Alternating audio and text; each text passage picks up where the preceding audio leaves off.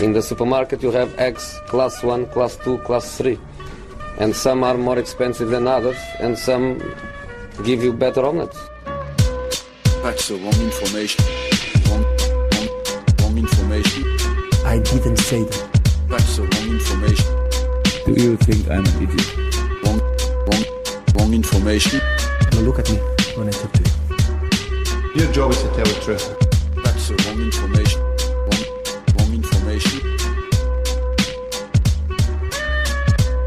Gonna have you twisting everything I say. Twist, twist, twisting everything I say. So make that clear.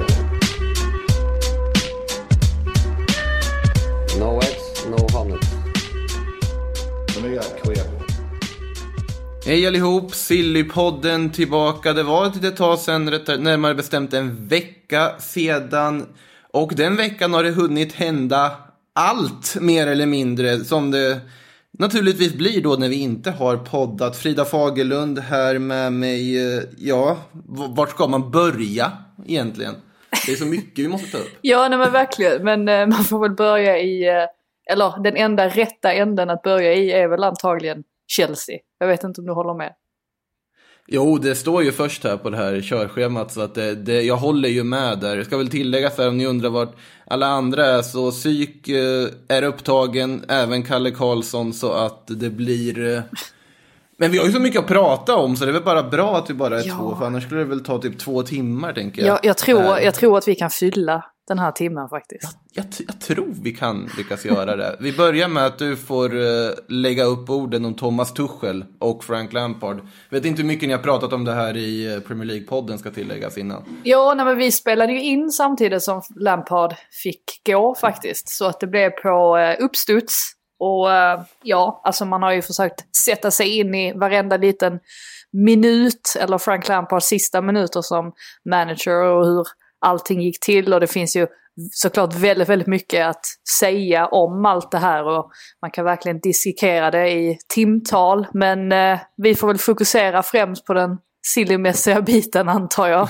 eh, för att en aspekt som hör till detta just, som jag tyckte var väldigt intressant i alla fall, det är att Frank Lampard ska ha skjutit sig själv i båda fötterna egentligen eftersom han så gärna ville ha Declan Rice. Man var ju övertygad om att Chelsea skulle gå för Rice nu i sommar Mm. och insåg kanske inte riktigt, eller jag insåg inte riktigt att 100% av den anledningen var att Lampard ville ha honom. Ledningen var inte lika förtjusta i den idén.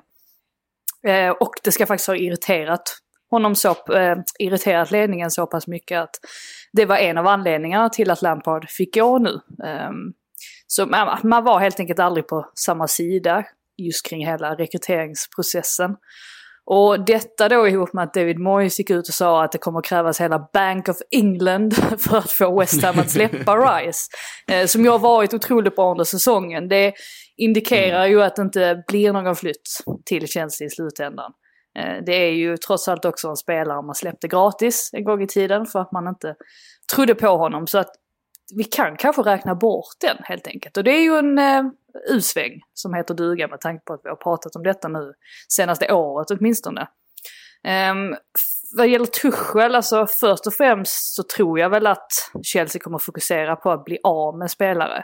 Det var ju något man försökte med att vara Mm. relativt framgångsrika kring redan i somras. Men det finns fortfarande en hel del spelare som befinner sig lite i limbo. Marknaden är ju fortfarande prekär också, så det kommer bli tufft att bli av med spelare som sitter med PL-löner. Det är inte så många klubbar som kan gå in och plocka dem, men förutsatt att man lyckas bli av med några så kommer det antagligen finnas en ganska bra budget för Tuchel i sommar. Och Chelseas ledning har ju aldrig varit främmande för att bemöta tidigare tränares önskemål.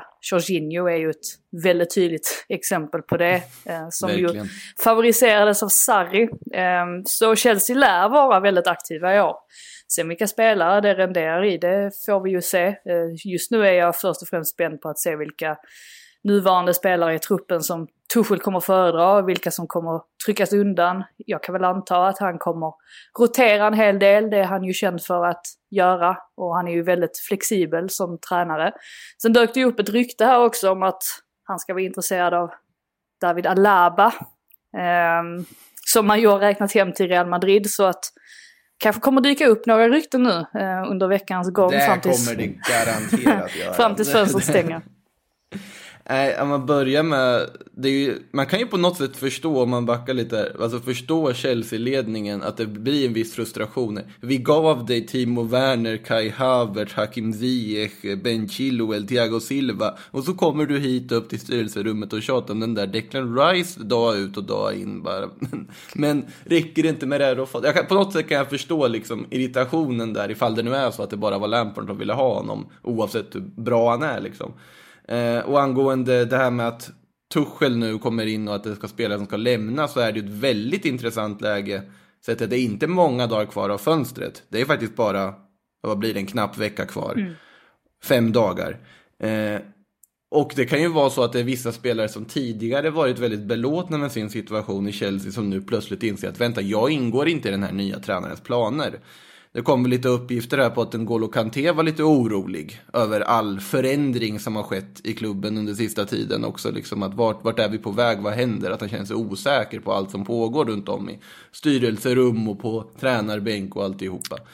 Så att det är ju otroligt svår situation ändå med så kort tid. kvar. Ja, också att man inte riktigt vet om Kanté är en Tuchel-spelare. För om man tittar på hans, ehm, ja, alltså hans avtryck i PSG och, och Dortmund och Mainz och sådär så ska man lägga ihop allt det man har lärt sig från hans tid i de klubbarna så känns ju egentligen Jorginho mer som en Tuchel-typ. Verkligen. Men det är ju också en Absolut. spelare som man nästan hade räknat bort. Alltså som kommer att lämna. Så att eh, det är just Ja. därför jag känner att man har så himla svårt att hugga fast någonting i sten. Det enda man kan tänka sig är väl att han förmodligen har lite press på sig att få in Werner, eller få igång Werner och få in Havertz på rätt plats i startelvan. Eh, eller i laget eh, överhuvudtaget. Eh, också att jag kan tänka mig att ytterbackarna sitter ganska säkert. Eh, skulle inte förvåna mig om Marcus Alonso helt plötsligt tar sig in i värmen igen. Det var ju en av spelarna som det ryktades om som hade gått till ledningen och beklagat sig över Frank Lampard.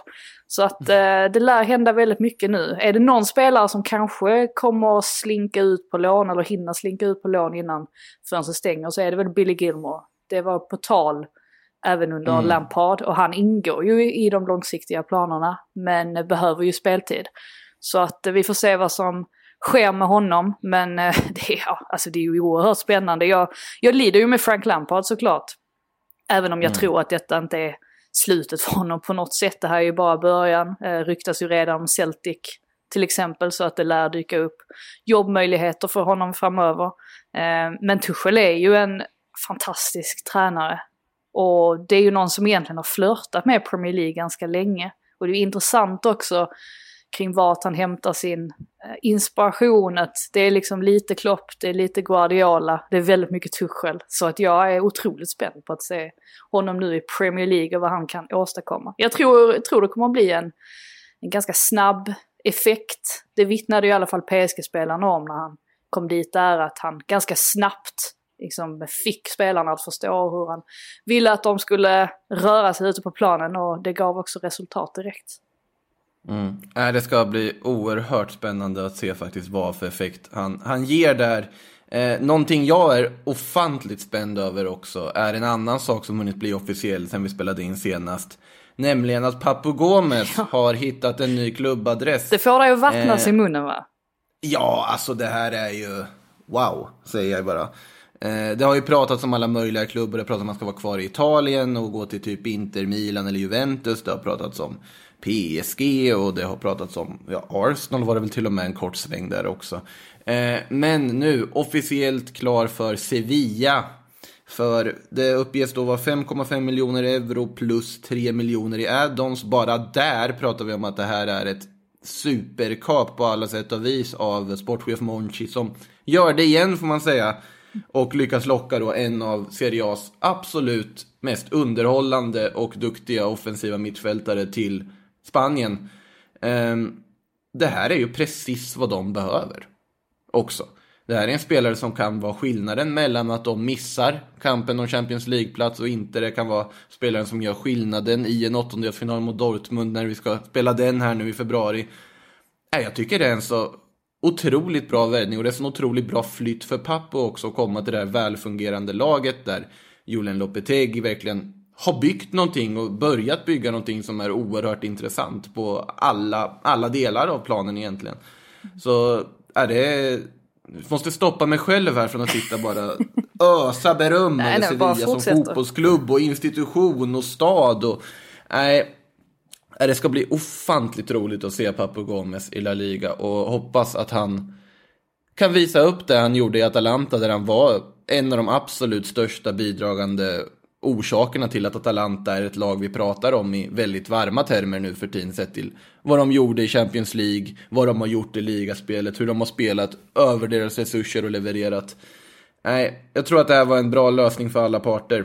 Håller du med? Ja, nej, men det gör jag. Skönt för honom också att få till en flytt med tanke på att han är, han är trots allt 32 år. Han är ju inte, Ja, ingen det är det ungdom ju längre. inte. Så att det, det här var ju sista chansen för honom egentligen att få till en sån där eh, riktigt bra övergång. Ehm, så får vi se hur länge han håller. Jag tycker dock att livslängden, eller vad man säger, på, eh, på anfallare generellt har ökat den senaste tiden. Jag, jag vet inte varför jag fått för mig det, men jag tycker det är så många som... Zlatan kanske är en anledning Ja, nej, men, jo precis. Men, och Jamie Vardy, Cavani. Ja. Det finns så många exempel Giroud, numera. Ja, Giroud. Ronaldo. Ja, det, det är de liksom eh, trotsar tyngdlagarna på något sätt. Så att eh, 32 är väl egentligen ingen, ingen jättehög ålder. Eh, Nej. Sett till att det är väldigt, väldigt individuellt hur, hur länge de håller och när de egentligen blommar ut också. För vissa blommar ju ut mycket senare än andra. Jag tycker nästan att VAR det är ju bättre nu än någonsin exempelvis. För att Mm. det, ja men jag håller med, det, det kommer säkert bli en, en match made in heaven. Man kan ju tänka sig att han får ett kontrakt i 2024 också. Det är ett ganska långt kontrakt för en 32-åring att få. Där kan ju ha spelat in i att han också valde Sevilla till slut. Samtidigt, den summa man lägger på den här spelaren, det är ju inte mycket sett till den kvaliteten du fortfarande kommer få in här nu också. Så som sagt, otroligt spännande. Eh, en annan sak som ska bli otroligt spännande att se, det är väldigt mycket som man tänker är av det som har skett som man går igång på helt enkelt. Martin Ödegård som eh, var petad från en kupptrupp när Real Madrid då åkte på en smäll mot Alcoyano i Copa del Rey, Segunda B-laget, och åkte ur med buller och brak. Eh, luftade då, i princip, det var ju ren eh, avfrostning av frysen där. Varenda frysspelare fick i princip chansen att spela och ingen av dem tog den heller. Men Martin Ödegård var ju inte ens med i truppen. Då var det verkligen en signal att det har skurit sig helt mellan norrmannen och Zidane. Jag måste bort. Det pratades direkt om Real Sociedad som ville ha tillbaka honom. Han var intresserad av att komma tillbaka till Real Sociedad. Och sen kom ett samtal från Mikel Arteta, lite från det blå. På telefon som då övertalade Ödegård att skriva på för Arsenal, dit han nu verkar vara på väg och verkar vara helt klar.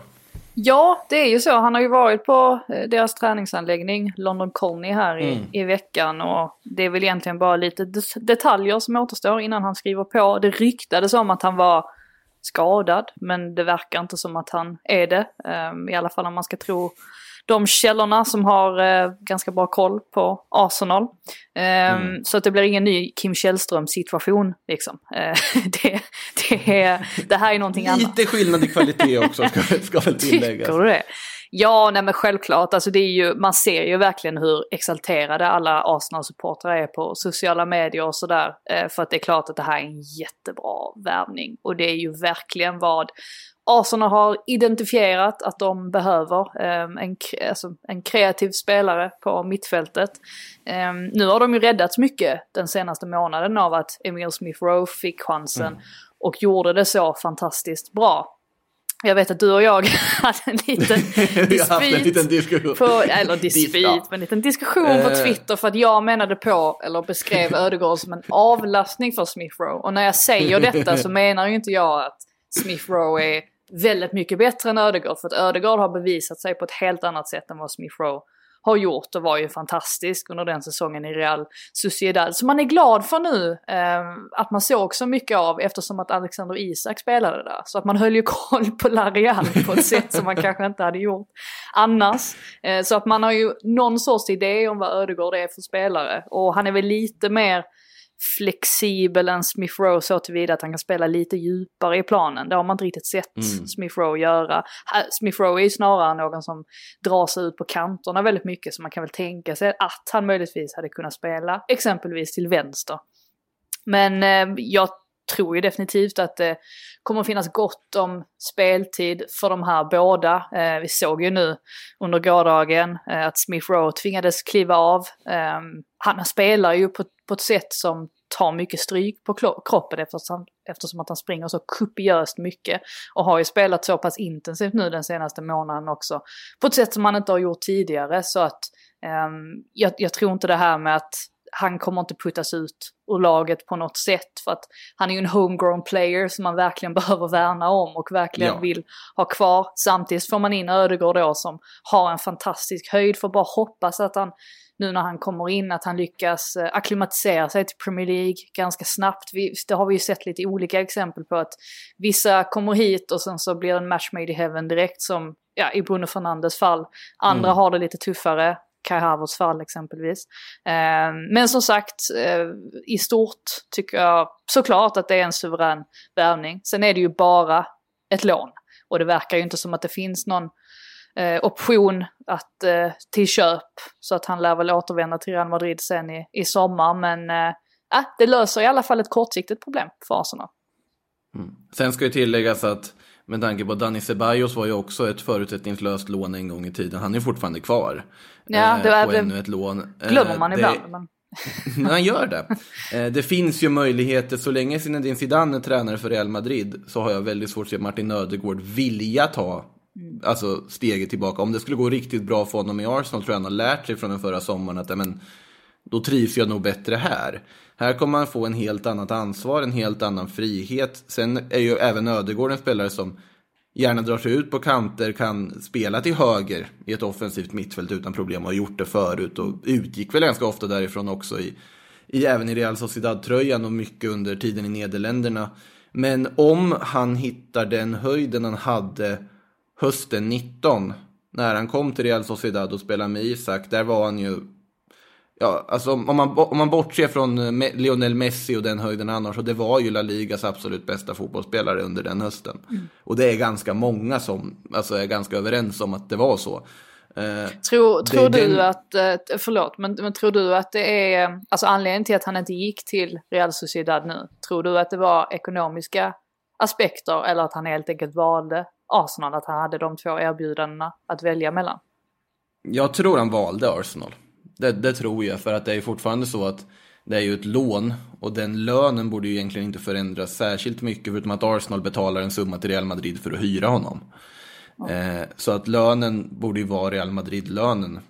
Om jag, om jag tänker nu liksom rent logiskt, för det är ju inte ett nytt kontrakt han egentligen ska ut med Arsenal. Eh, men, så att jag tror inte det var en ekonomisk anledning, jag tror faktiskt det var det där samtalet från Arteta. Vi måste komma ihåg att det här är en norrman också. Och i Norge så är ju Premier League väldigt, väldigt, väldigt, väldigt populärt. Jo, tack. Så, att nu, så nu har ju de norska journalisterna ett problem här när du har uh, Ola Atzewil i Manchester, du har eh, Martin i London, i Arsenal och så adderar vi väl Haaland till Chelsea vet du, i sommar. Och så har vi, har vi totalt, eh, Ja. total förvirring hos de norska journalisterna. Fattas bara något i Liverpool också.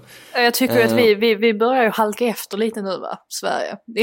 vi, vi behöver Ja, få hit ja. någon vi, vi eh, också. Ska vi bara tillägga det också att Ödegård var väl till och med i Arsenal och provtränade som ung. Det är väl i och för sig väldigt många spelare som har, som har varit det. Men eh, det Det är ju ju... väldigt många klubbar Martin Ödegård var i och provtränade. jo, jo, absolut det också. Ehm, men som sagt, han verkar väl ha någon form av koppling då till, till Arsenal eh, Mm. överlag. Men eh, som sagt, vi får se när det blir klart nu bara. Det har ju dragit ut, presentationen har ju dragit ut lite på tiden. Det kommer ju också så mycket uppgifter från olika personer. Man vet ju knappt vem man ska tro på. Men den jag alltid tror på är Ornstein. Eh, honom litar jag på. Mm. Så eh, när han säger att det är helt färdigt, vilket han väl har gjort i princip. Men när han, när han hugger fast i sten, då gör jag också det.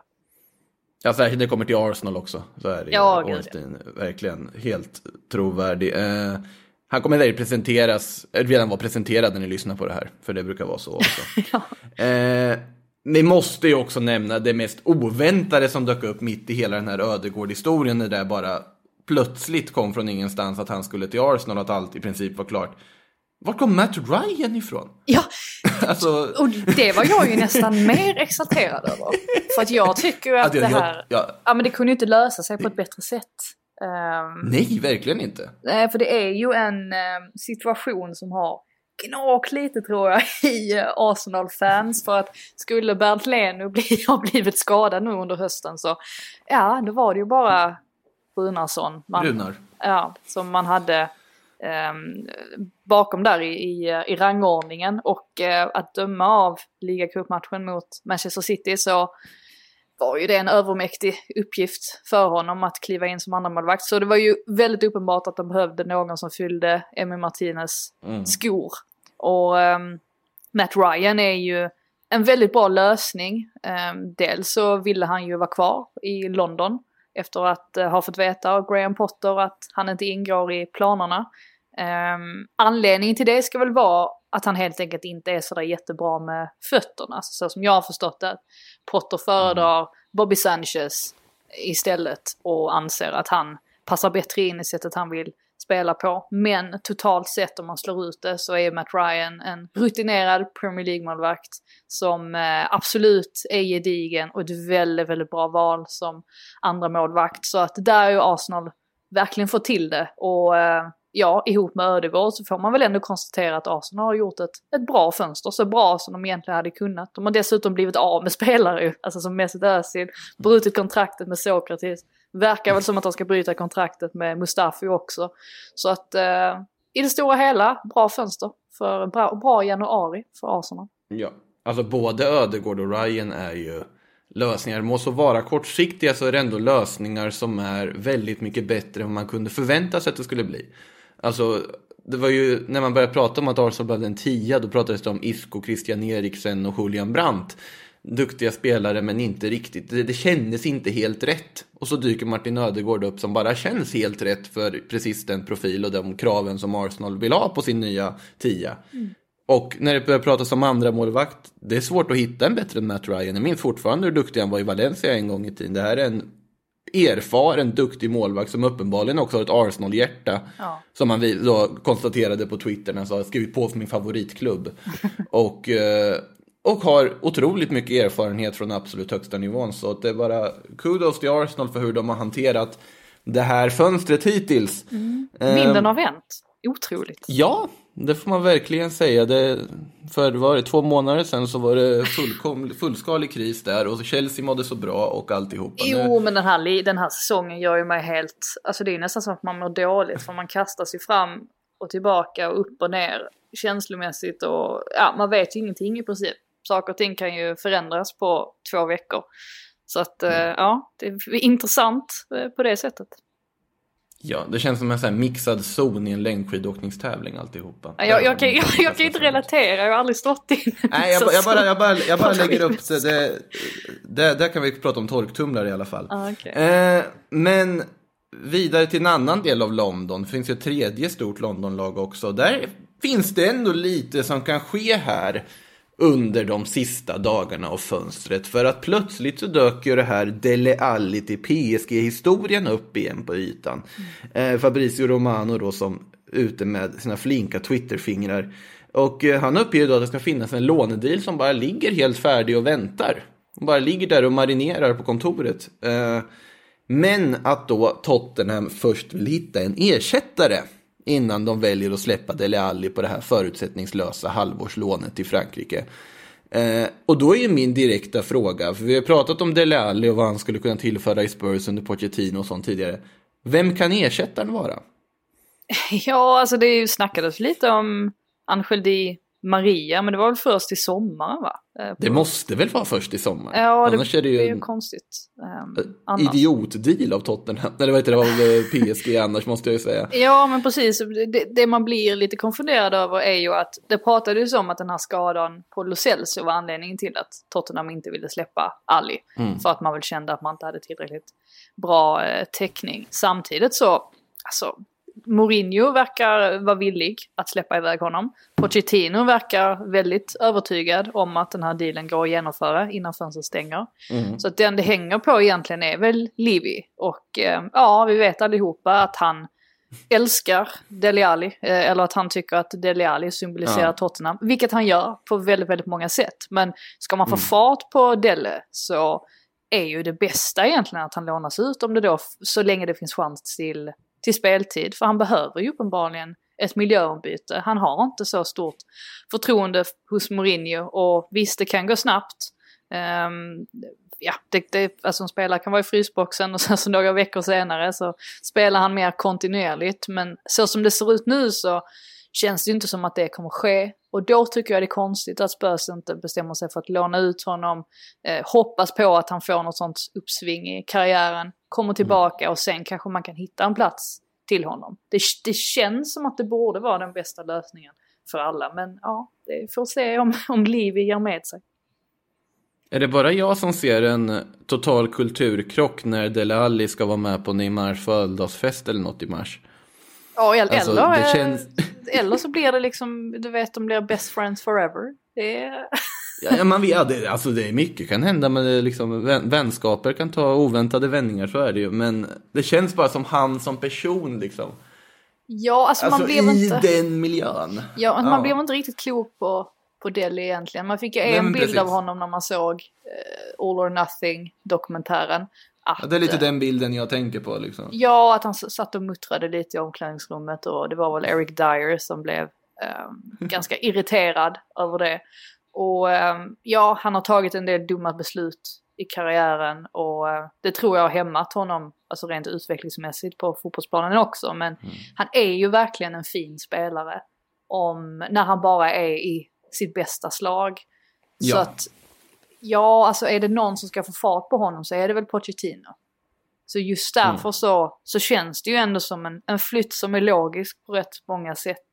Och ehm, jag tror väl också att han själv känner det också, att det här är hans chans verkligen att styra karriären i, i rätt riktning igen. Något som också är logiskt om vi hoppar tillbaka till det är ju faktiskt Angel Di Maria på fri transfer i sommar.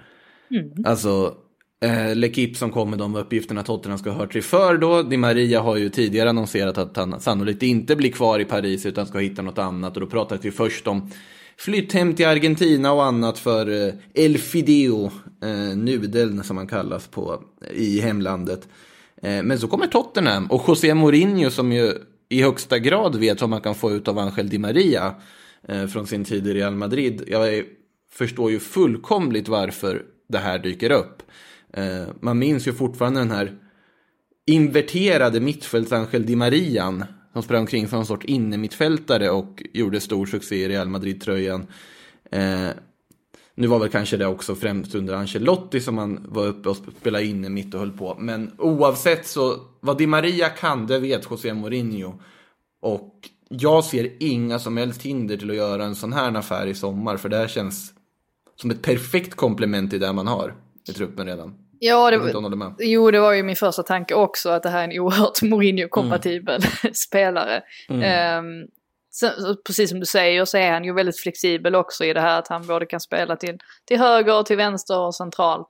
Ehm, vi vet väl att Gareth Bale troligtvis kommer att återvända till Real Madrid. Just det, och- han ja. Ja, precis. Sitta ut, eller sitta ut sitt kontrakt, det, vet man ju inte. Han kanske... Golfa ut kontraktet. Ja, ja precis. Vi får väl se. Ehm, nu, man får väl fortfarande ge Bale en chans. Jag ska inte vara sån. Utan han har ju haft mycket problem med skador. Han verkar ju faktiskt oerhört uppskattad också i laget. Att han sprider väldigt bra energi och sånt ska man ju inte underskatta heller. Men eh, precis som du säger så tror jag inte det är omöjligt att vi får se Di Maria i Premier League igen. Vi får väl se vad hans fru, för hans fru tyckte inte alls om Manchester och var ju oerhört kritisk till, eh, till den Fast staden. London är ju mycket trevligare. Exakt. Eh, Även om jag gillar Manchester väldigt mycket ska sägas. Men London är väl kanske lite mer, eh, ja, här, finns lite mer att, att välja på beroende på vad man föredrar. Eh, så att, eh, ja, det, det är väl inte helt omöjligt att vi, att vi får se det här hända så småningom. Nej, eh, alltså Di Maria på väg kanske bort från PSG, Dele Alli kanske på väg in och Sergio Ramos kanske på väg in. kommer vi till nästa bomb som vi har i det här eh, körschemat. Spanska uppgifter här då, Onda Dacero, radiostationen där, som eh, basunerar ut att Sergio Ramos erbjuds ett treårsavtal med PSG till sommaren. Då Real Madrid-kaptenen som har ett utgående avtal och som det alltid blir en diskussion kring så fort han har just ett utgående avtal, ett kontrakt som, som inte har så lång tid på sig kvar. Hur känns Eh, det för dig? Jag kan ju säga så här att till att börja med att Real Madrid inte kan matcha det ekonomiskt, som då också de här uppgifterna innehåller, det är ju synnerligen intressant. Eh, vi vet att Real Madrid, precis som alla andra klubbar, har haft väldigt stora ekonomiska bekymmer. Men, och att man sällan vill erbjuda äldre spelare långa avtal och lägga väldigt mycket pengar på äldre spelare. Det är någonting som bevisas med att man ändå valde att sälja Cristiano Ronaldo för en miljard till Juventus. För det var en ekonomiskt liksom oförsvarbart att inte tacka ja till. Sportsligt, ja där fick det en väldigt stor effekt på alla sätt och vis. Men samtidigt så fanns det inte något skäl att liksom signa en så pass gammal spelare på ett nytt avtal eller behålla den spelaren när det var så mycket pengar som kunde erbjudas. Eh, för om det är någonting Real Madrid kommer att skötas bra på, då är det ju just i bokföringen och i det ekonomiska. Det är någon konkurshot så länge Florentino Perez sitter vid makten, där kommer vi inte få se. Men sportsligt att Sergio Ramos lämnar, om det nu skulle bli så att det här stämmer, att Ramos, att, att Real Madrid helt enkelt inte kan matcha det här budet och inte kommer att komma överens med honom och ersätta honom rakt av med David Alaba. Det har ju alla ingredienser till ett totalt försvarshaveri. Mm. Eh, Det intressanta, eller det konstiga egentligen, är ju att man har haft Sergio Ramos och Rafael Varane bredvid varandra i väldigt många år nu. Mer eller mindre ett decennium har de spelat tillsammans med. Pepe har ju varit kanske första valet före Varan några av de där åren i början. Men det är väldigt länge de här två har spelat mittback med varandra. Och fortfarande så ser vi att det blir problem så fort Sergio Ramos inte är med. Rafael Varan har bevisat gång på gång att han kan inte leda ett försvar. Han kan inte, han kan inte vara liksom generalen och ledargestalten i försvaret när han har Eder Militao eller Nacho eller någon annan bredvid sig. Att så fort Ramos är borta så är det uppenbart att Real Madrid har defensiva bekymmer. David Alaba som kommer in är en helt annan typ av mittback än vad Sergio Ramos är. Inte heller den typen som egentligen är en försvarsledare. Utan den rollen kommer ju hamna hos Rafael Varane. Det går ju knappt att hitta längre. Alltså ledare på det sättet. Alltså de är så oerhört sällsynta. Precis, och särskilt när de är formade som Sergio Ramos som går upp och avgör Champions League-finaler med att göra mål och sånt också.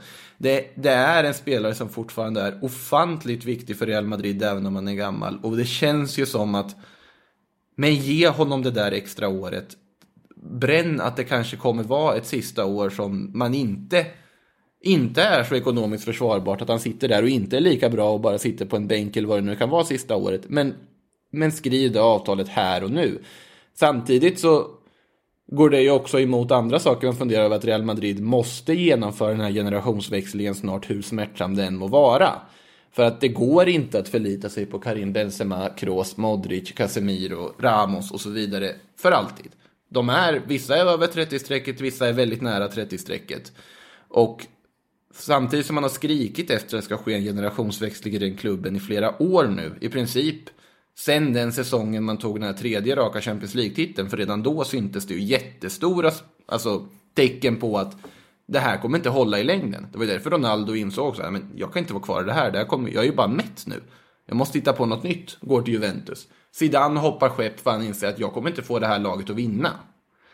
Och låter då Lopetegi och eh, Solari ta den stora smällen i form av Ajax-debaclet. Kommer tillbaka och så är det ändå i princip samma spelare som levererar och samma spelare som bär det här Real Madrid. I och med att de nyförvärv som görs, de nya nytillskott som kommer in, de får aldrig riktigt chansen att visa upp sig. De får inte chansen att konkurrera för att de, det äldre gardet fortfarande är så pass viktigt och så bra. Så blandade känslor kan man väl säga att man har med det. Att du måste ju dra någon form av smärtsam gräns. Och det kan bli år där Real Madrid inte kommer att leverera på önskad nivå. Men, Väldigt, Ja, väldigt det är väl- positiva framtidsutsikter du målar upp ja, men här. Ja, men det är, det är oroväckande läge egentligen för att Toni Kroos och Luka Modric pratade man om man skulle liksom ersätta, få in då till exempel Ödegård, Fede Valverde, den typen av spelare mycket tidigare nu. Och nu är det snarare så att Modric och Kroos har fått någon sorts renässans.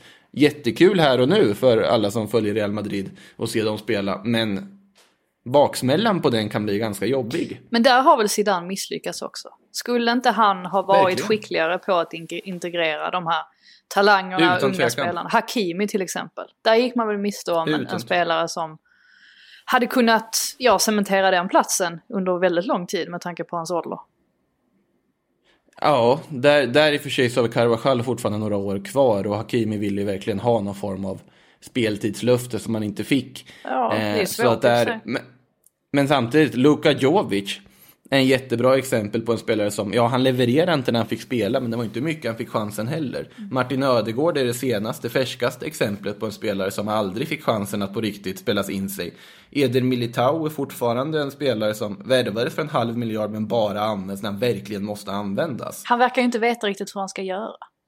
Så måste ju helt enkelt vara. Att han verkar Ja. inte veta hur han ska integrera de här spelarna överhuvudtaget. Och så förstår han, ja, han måste ju förstå att det är väldigt viktigt att man får till en generationsväxling. Men uppenbarligen så, ja vad säger man, han har inte rätt verktyg för att lyckas kanske.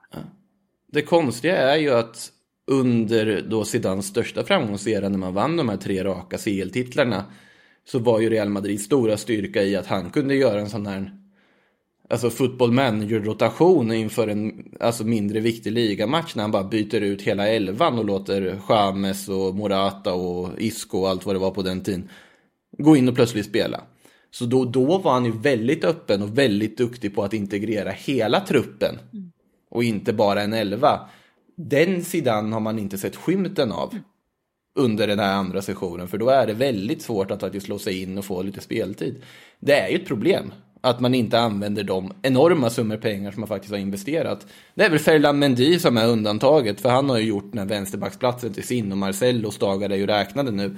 Eh, men ja, Ja, alltså det är ju väldigt intressant för att egentligen hade ju Real Madrid drömläge här att, ja, alltså att gå ifrån Barcelona ännu mer med tanke på deras Verkligen, ekonomiska situation. Och då känns det ju inte riktigt som att man har, har utnyttjat det ehm, tillräckligt väl. Ehm, att man helt enkelt hade chansen, man är ju före nu väl, men ja, man hade kunnat utnyttja det ännu mer så att säga. Eh, och med det i åtanke så är det extra roligt att ta fram det här nästa ryktet som är att Edin Dzeko väcker intresse från både Barca och Real Madrid. Det är där att de han är spanska kvar giganterna. fortfarande. Ja. Han har ju helt skurit sig med Fonseca i Roma också. Det är, han vill ju verkligen bort till varje pris här inför vinterfönstret. Man har inte lyckats få till en deal än. Men nu ska det då vara intresse från både Barca och Real Madrid att bara titta lite däråt. Att ja, men han är ju målfarlig, han är ju nyttig. Han är ju inte Han är ung. absolut inte dyr. Han är absolut inte ung. Alltså, i Real Madrid-perspektiv kan jag ändå se nyttan han skulle göra på kort sikt på att du får en avlastning till Karim Benzema. Du får en, en typ av spelare du inte riktigt har i truppen. Du behöver inte sitta med en oslipad, opolerad Mariano som andra val. Utan du kan få in Dzeko som kommer att göra både mål och nytta på topp. Under så. Lite som Adebayor kom in för Real Madrid för jättemånga år sedan under Mourinho. Och var nyttig under ett halvår. Barcelona är väl egentligen samma sak, men där så ska man väl absolut inte lägga sina extremt få pengar man har att tillgå på en 35-åring. Eh, när man nu också dessutom beslutar att man kommer inte kunna värva Eric Garcia i vintern. Eh, han fick ju inte tillåtelse i slutändan då. Eh, interimordförande Tuskets, utan det är först den nya presidenten som får göra affärer och det valet är ju först i mars. Eh, så att, ja men Dzeko väcker i alla fall intresse och det säger väl också en del om vart de här klubbarna just nu befinner sig i, alltså transferstyrka. För vi ska ju tillägga att Real Madrid har inte heller så mycket pengar att jobba med, i alla fall inte i det här vinterfönstret. Eh, Ska väl tillägga Barca, också att, ja. att, eh, att, eh, Dzeko, att han ryktas till några engelska klubbar också. Det är ju alltid Everton och West Ham. Eh, såklart det. ja, så att det finns ju fler intressenter också, såklart. Det gör det. Eh, och några andra spelare det finns väldigt många intressenter kring är ju David Alaba och Kun Agüero. Alaba nämnde vi ju att han typ är klar för Real Madrid, sägs det ju från trovärdiga källor och andra säger att han inte är det. Men Mundo Deportivo har i alla fall kopplat honom till Barcelona. Eh, hur de nu ska kunna värva. Ja. Eh, som då ska leta gratisalternativ till sommaren, alltså fri transferalternativ. Och då ska det ju vara Alaba och Kun Agüero som dykt upp på radarn. Lite motsägelsefullt med tanke på att alla bara uppenbarligen begär en väldigt hög lön. Exakt, Men, exakt, okej. exakt. Exakt, och det är lönekuvertet som är det stora problemet i Barcelona. Att de måste bränna lite där och sänka just lönerna för de tar upp en väldigt stor del. Jag tror att det var 74 procent av hela den totala inkomsten går till liksom löner. Eh, otroligt stor summa som egentligen inte ens är helt FFP, alltså kompatibel. Om jag inte helt, men jag ska inte ge mig in i det här ekonomiska träsket allt för mycket med bokföring och dylikt. Kan knappt bokföra för mig själv. Eh, När du betalar Och, någon för att eh, göra det. Ja, precis. Exakt så, så. Det är så det fungerar. Eh, och Kun Agüero, alltså, ja om Messi är kvar så såklart, det hade ju varit jättekul att få se dem spela tillsammans. De, de är ju vänner och det skulle ju vara roligt. Men det är ju inte heller vad, alltså, de kastade ju Suarez för att han var för gammal och började gå på dekis och var skadebenägen. Då ska du ju inte ta in Sergio Agüero. Nej, och det var ju uppenbarligen ett misstag också. Ehm, så att, ja, jag, Att ge bort Suarez, ja. ja. Ehm, Alltså, eller? Tycker inte du det? Miss, misstaget låg i att ge bort honom till en direkt titelkonkurrent. Ja, exakt. Det är ju där det står, alltså, att de behövde För han var ju inte, han var inte slut. och få något nytt. Ja, men han var ju inte slut. Nej, fast han var, slu- han var relativt slut i Barcelona-miljön. Mm. Eh, sen, sen i det här läget de satt i, när de inte kunde ersätta honom och inte ens kunde skramla ihop en slant för Memphis Depay. Så då var det fel att släppa honom helt gratis samtidigt som de desperat ändå behöver släppa saker för att minska det där löneposterna. Egentligen. Men problemet här ligger... Nej, jag skulle bara Problemet tillägga- ligger att de gav honom till Atletico. Ja, precis. Och jag skulle bara tillägga att egentligen var det kanske ett misstag att inte släppa Messi heller. Alltså för om man tänker att om Ja. de nu har problem ekonomiskt, ja men de ska, skulle kanske bara låtit honom gå då i somras istället. Eh, använda de pengarna till att försöka få igenom en generationsväxling. Varför har alla klubbar så stora problem med generationsväxlingar? De måste ju se detta komma tidigare, tycker man. Ja, det är, men det har väl att göra med, alltså till viss del så har det väl att göra just nu i alla fall med pandemin. Ja. Alltså att du, unga spelare kostar ju pengar. Ja, men så är det. Nej, men så är det absolut. Och, sen så kostar det ju ibland att göra sig av med spelare också.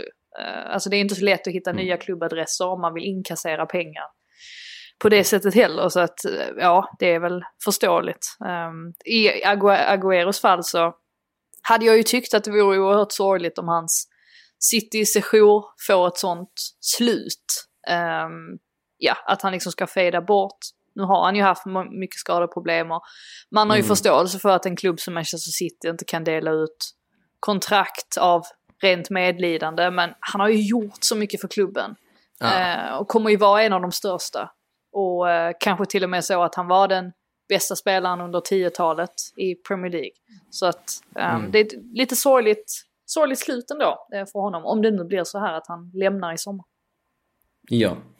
Eh, tillbaka till Barcelona ska ju nämnas att eh, de här skulderna som alla vet att de sitter på, de dök ju upp här nu igen på grund av att det var det Swiss Ramble-kontot som var ute och gick igenom Barcelona, riktigt, ja, man ska kalla det godbit i Twitter-tråd, men det var ju mycket att ta in dock i dem. mycket, mycket att ta in. Eh, och 1,1 miljarder euro, det vill säga 11,7 miljarder svenska kronor i skulder.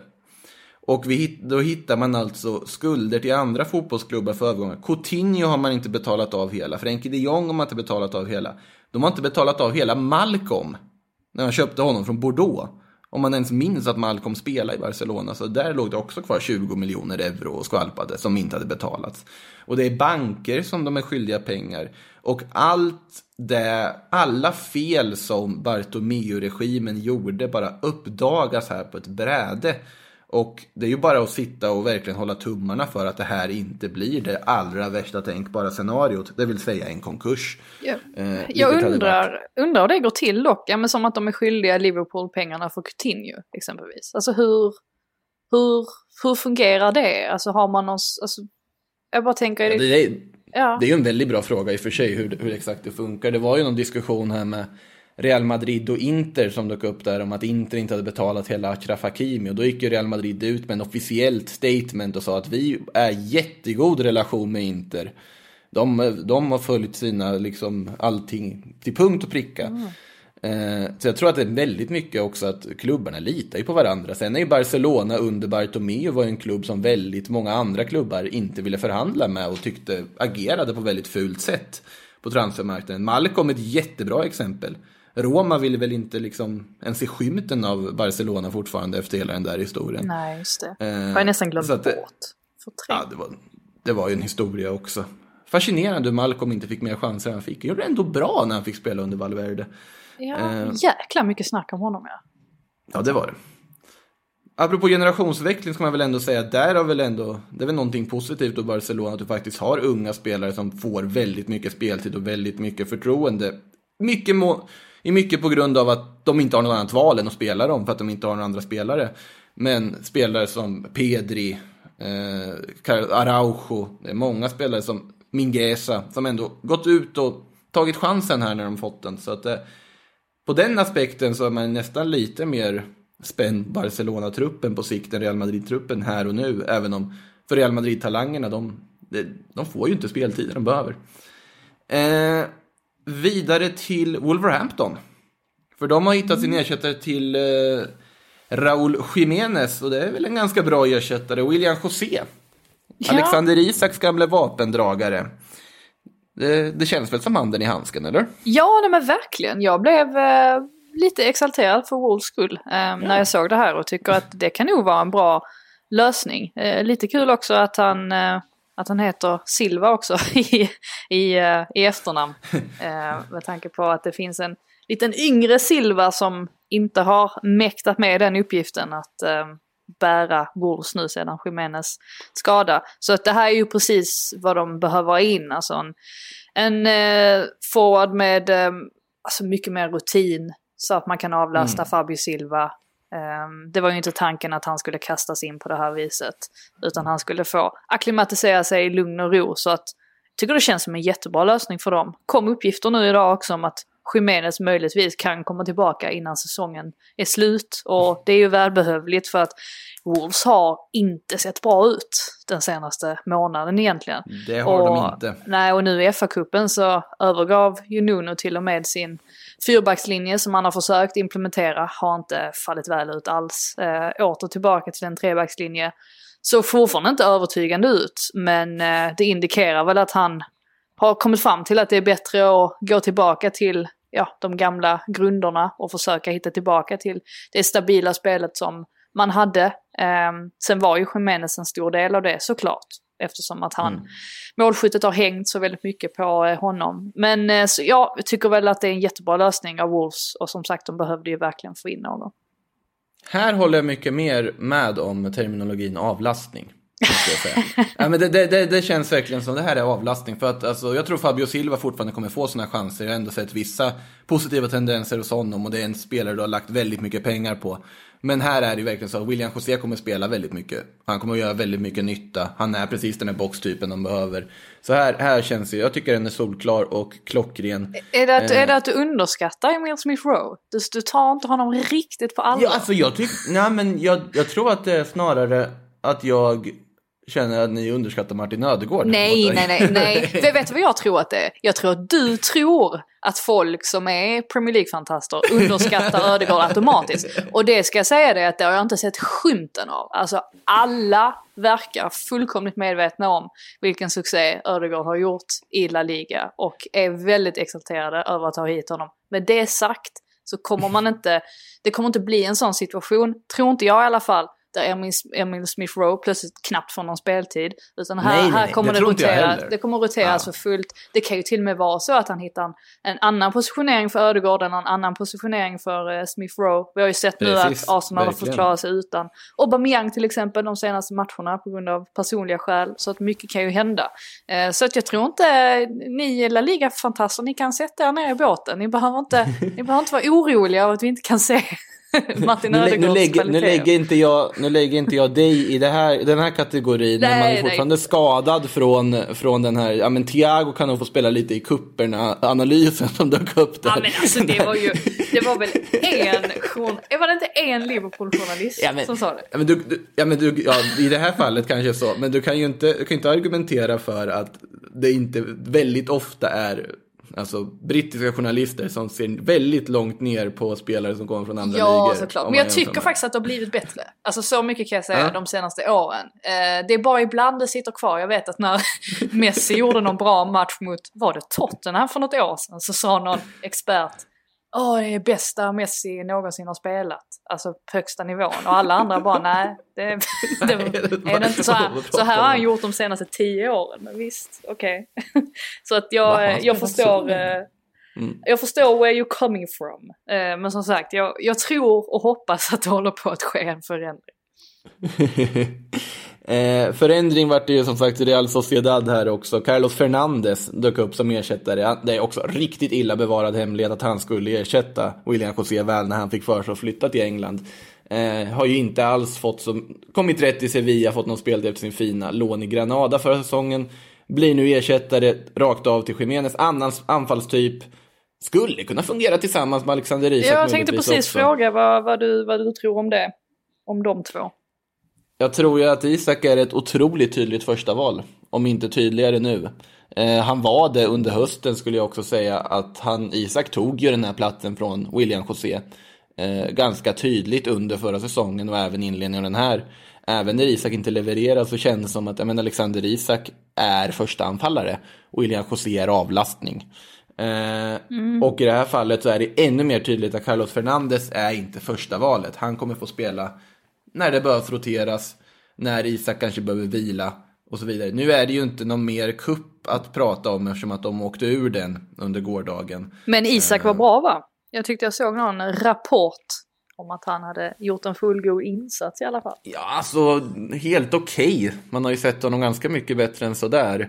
Eh, problemet är för Real Sociedad var ju som vanligt att man dominerar, man har kontroll på matchen och sen så tappar man in Betis igen. Nu var det ju mycket på grund av Iaramendis röda kort som blev väldigt omdiskuterat efter när Matteo Lahos till synes på tv-bilder gick och bad om ursäkt efter matchen och insåg att vänta, nej, det vart ju fel. Och då i princip avgjorde hela den tillställningen som Matteo Lahos kan göra. Eh, men Isak, han, han har gjort bättre matcher men eh, han var ju inte dålig på något sätt heller. Ja, det bådar ju gott inför ett EM här.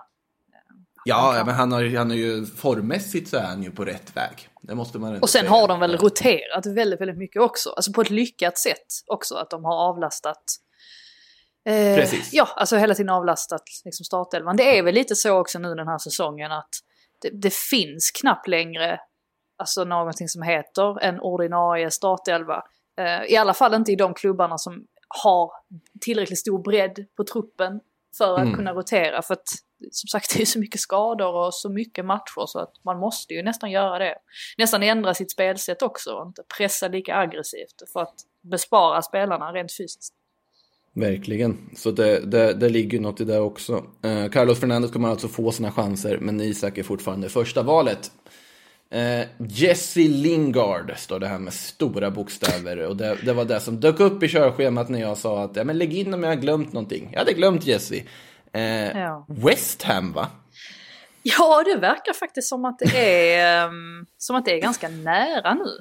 Ehm, det var ju, alltså Solskjaer har ju hint, han hintade lite nu på den senaste presskonferensen att Lingard, att det fanns många intressenter och att det inte var helt omöjligt att Lingard skulle lämna klubben innan fönstret stängde. Ehm, och som sagt nu verkar det vara West Ham som ligger närmst till.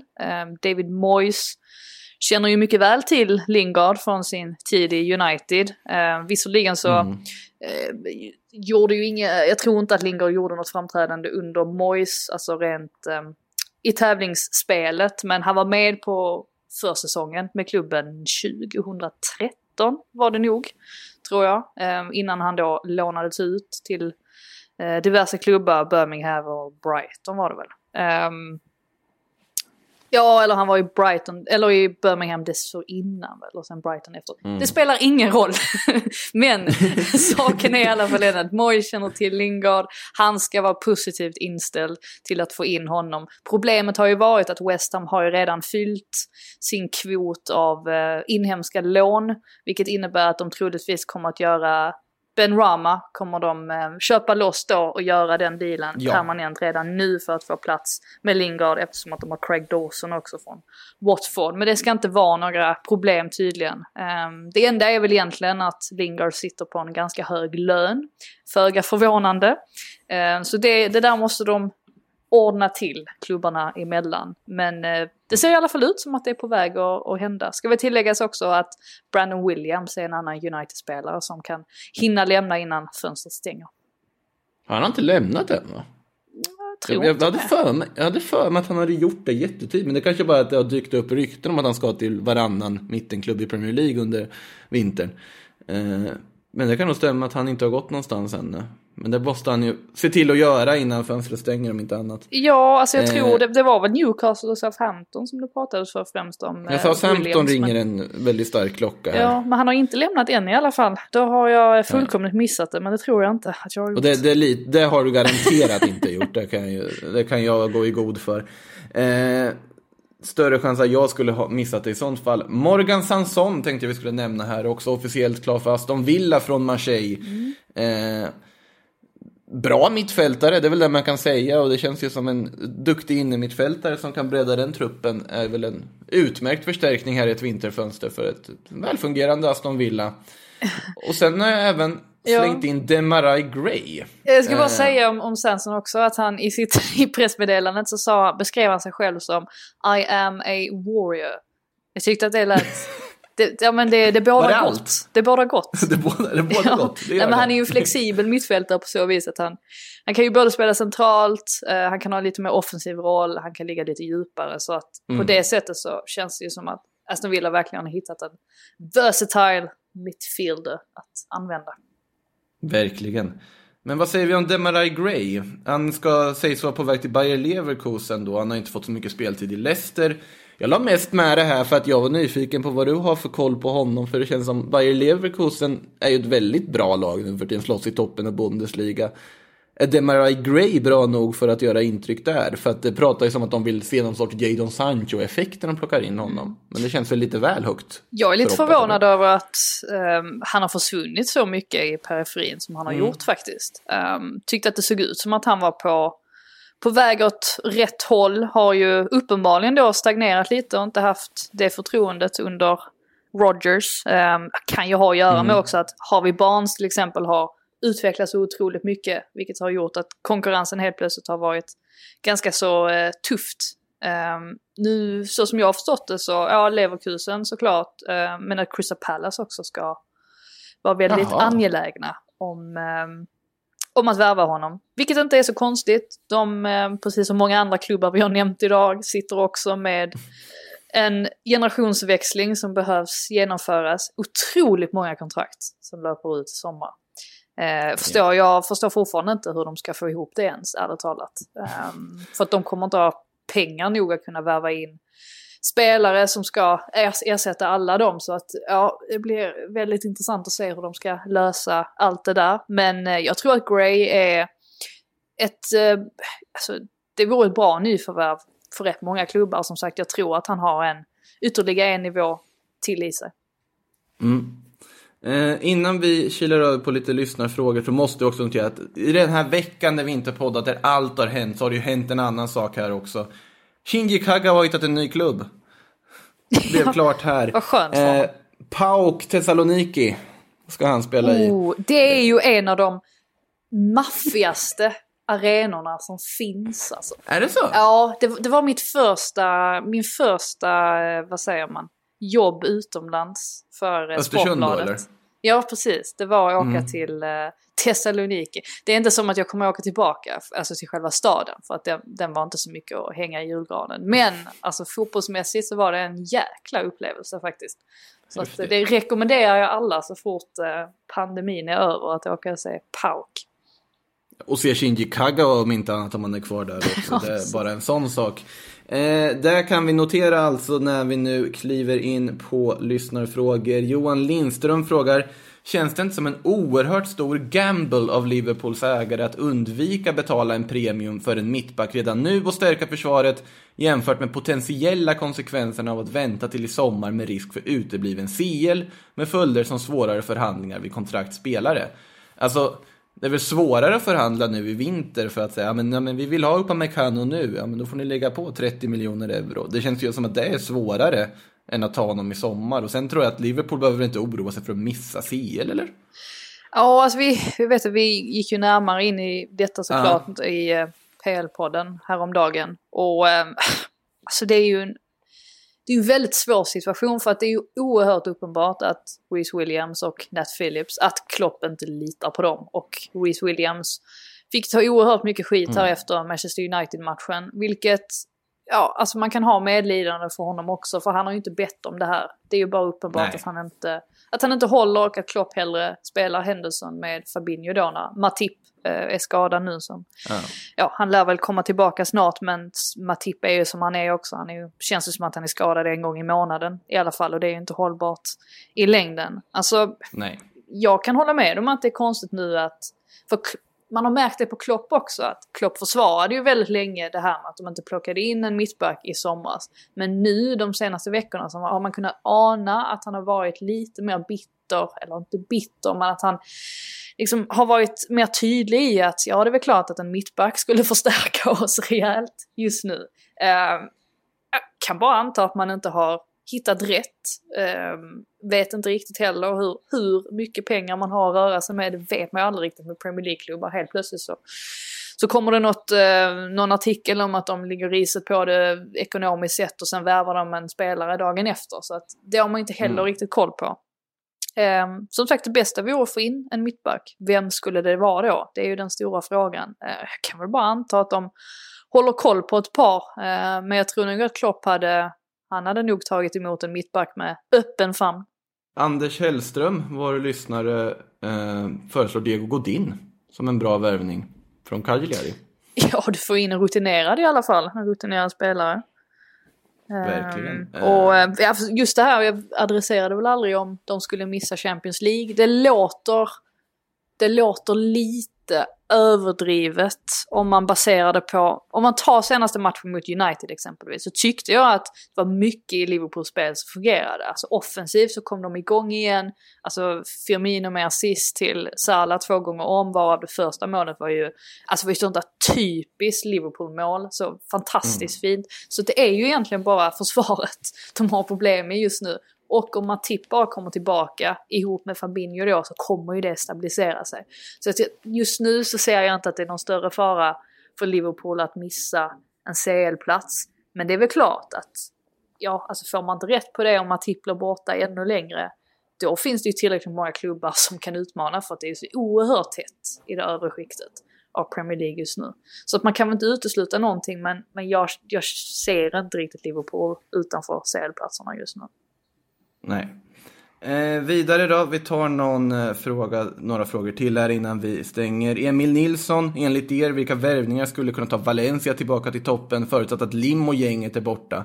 Ja, om Lim och gänget är borta så kan vi säga mittfältare, en mittback, en högerback, Ja, det är mycket va som måste, som måste Alltså göras om. ja, det är, alltså, det är, det är fullkomlig, eh, alltså, det är nästan som man får ta upp det här gamla filosofiska exemplet om är en båt densamma om du har bytt ut alla delar av skrovet? Mm. Eh, du kommer bara byta ut varenda skrovdel mer eller mindre direkt. Det är väl i princip José Gaia och Soler du vill behålla och Kang In Lee. Och sen måste du bygga om allt annat. Med Vilket förfall alltså. Det borde vara olagligt. Ja, det, det, det, Peter Lim och den ledningen, Manil Murti och gänget, de slutar inte förvåna. Och har vi någon ny värvning till Valencia än det här vinterfönstret? Det var desperat läge för det? Nej. Javi Gracia ska ha en stor ros alltså för hur mycket tålamod och hur han har kämpat och ändå fått det här laget att faktiskt göra vissa resultat ibland. Men han är en bra Eh. tränare också. Ja, han har gjort det. Han har verkligen växt, tror jag, för många Valencia-fans under säsongen. Det var ju många som var skeptiska till den utnämningen eh, inför säsongen. Men han har ändå visat att han ändå har liksom fansens parti. Ja, ja. Att han vill det bästa för laget och gör det bästa han kan av den här svåra situationen. Ett Valencia ni kan se ikväll på Sportbladet för övrigt. Valencia-Sevilla kan ni se direkt från Copa del Reys åttondelsfinaler på för alla pluskunder på Sportbladet. Även Rayo Barcelona får ni sällskap av mig också. Eh, vidare. Eh, Marcus Tapper frågar, ponera att ni var halvbra fotbollsspelare. Hade ni helst försökt, även om ni förstod att det troligtvis mest kommer bli bänk i något bottenlag i Belgien? Eller hade ni gjort en flippig flytt till typ Egypten, Japan eller Australien, varit bäst där och haft det svingött? Eh, Frida, du får börja. Vad, vad hade du gjort om du var så här helt okej okay fotbollsspelare, du kan, kan, inte spela på högsta nivå. Jag säger, tänker att du går till typ Charlton och League One. ja, men, så grejen är, jag är väl sådär att eh, det är väl klart att man alltid ska alltså, göra det som man mår bäst av. Men jag hade ju definitivt gett mig på utmaningen att gå till Belgien och sen försökt att slå mig in i startelvan och sen få till en riktigt stor flytt. Eh, det, det ligger mer i paritet med hur jag är som person. Även om man såklart, alltså rent det är klart att det vore gött och eh, typ hamna i Australien, göra en Ola Toivonen och vara där mm. ett, ett tag. Men samtidigt så, jag tror att jag hade blivit uttråkad i längden. Det är så som jag är som person i alla fall. Vad hade du gjort? Du hade ju dragit ja. till Japan. Ja, ja, såklart jag hade. Jag hade ju direkt öppnat kontakter med japanska fotbollsförbundet för att se om man kan få tillbaka det där passet. Eh, vart en trött, trött, ganska liksom orörlig nia på topp där med lite längd till skillnad från resten av det landslaget. Och sen eh, kan inte nicka egentligen, men jag hade stått där uppe i alla fall och bara, bara varit i den, i den landslagströjan. Det hade varit ganska häftigt. Där hade jag hamnat. Eh, eller dragit till Sydamerika på någon underlig underlig affär dit istället för att testa, spela inför de läktarna och den liksom passionen och stämningen som finns där borta i fotboll. Det hade varit häftigt. Och det är en, det är en dörr jag hoppas att fler liksom svenska spelare som test, vill testa utlandslivet, alltså ändå öppnar den Sydamerika-dörren. Martin Smedberg Dalens hade ju kopplingar till Bolivia, men en förebild sett till att han åkte dit och spelade också. Eh, och tog en plats i bolivianska landslaget om ni minns det. Eh, otroligt eh, mycket respekt för att han gjorde den resan och jag tycker fler ska testa den resan dit bort för det är en häftig fotbollskultur som finns där borta. Men det sagt eh, kan jag också konstatera att Kolbeinn Sigthorsson har gått till, till Blåvitt. Den, det, var ju en... ja, det, är ju, det är ju tur att det är en pandemi kanske så att nattklubbarna i Göteborg inte är öppna på samma samma sätt. Eh. Ja du, eh, så, så, kan det, så kan man, det kan ju vara analysen för den värvningen. Otroligt, otrolig bomb. Det händer mycket alltså i, även i allsvensk nivå på transferfronten. Ni följer ju allt om det på Sportbladet naturligtvis. Eh, tänkte jag att jag ska låta dig gå och fixa din julgran Frida. Ja men är det så hemskt? Jag tyckte det var ändå många som var, det var lite Jag, jag röstade på första alternativet. Ja. Alltså, jag känner att jag, jag är en sån här som kan fortfarande ha en julstjärna uppe i februari. Eh, på, att man, på att den är fin. Ja alltså. men precis och den, den är liksom inte, jag tror att den är ganska död, alltså själva granen. Eller själva trädet. Den såg ju inte helt liksom vibrerande Nej, ut. Man kan inte röra den för då trillar kulorna av typ. Så att så svag är den. Men eh, det är så fint med någonting i hörnet. Så jag tänker jag får kanske köpa en planta eller någonting. Eh, hänga, hänga ljus i i den så jag har någonting där. köpa, en, köpa en palm och hänga liksom. oh, men det, det klingar fint med mitt Trelleborgs, eh, det Trelleborgs det. blod ju. Mm, det är ju palmernas stad för den som inte vet. Ingen julpalm men däremot kanske typ en påskpalm om du får för dig att göra det i lagom tid för det. Ja, eh, vi öppnar nya dörrar som sagt, även när det kommer till hur man eh, firar traditioner med olika träd. Eh, Frida, stort tack för att du tog dig tid här och tack snackade med mig. Och eh, tack alla lyssnare, vi hörs snart igen. För snart är det deadline, men vi hinner nog tillbaka med ett avsnitt innan det är dags för det. Och ja, det blir en deadline day livesändning på just måndag, då det ska stängas detta transferfönster. Ha det gott, hej då!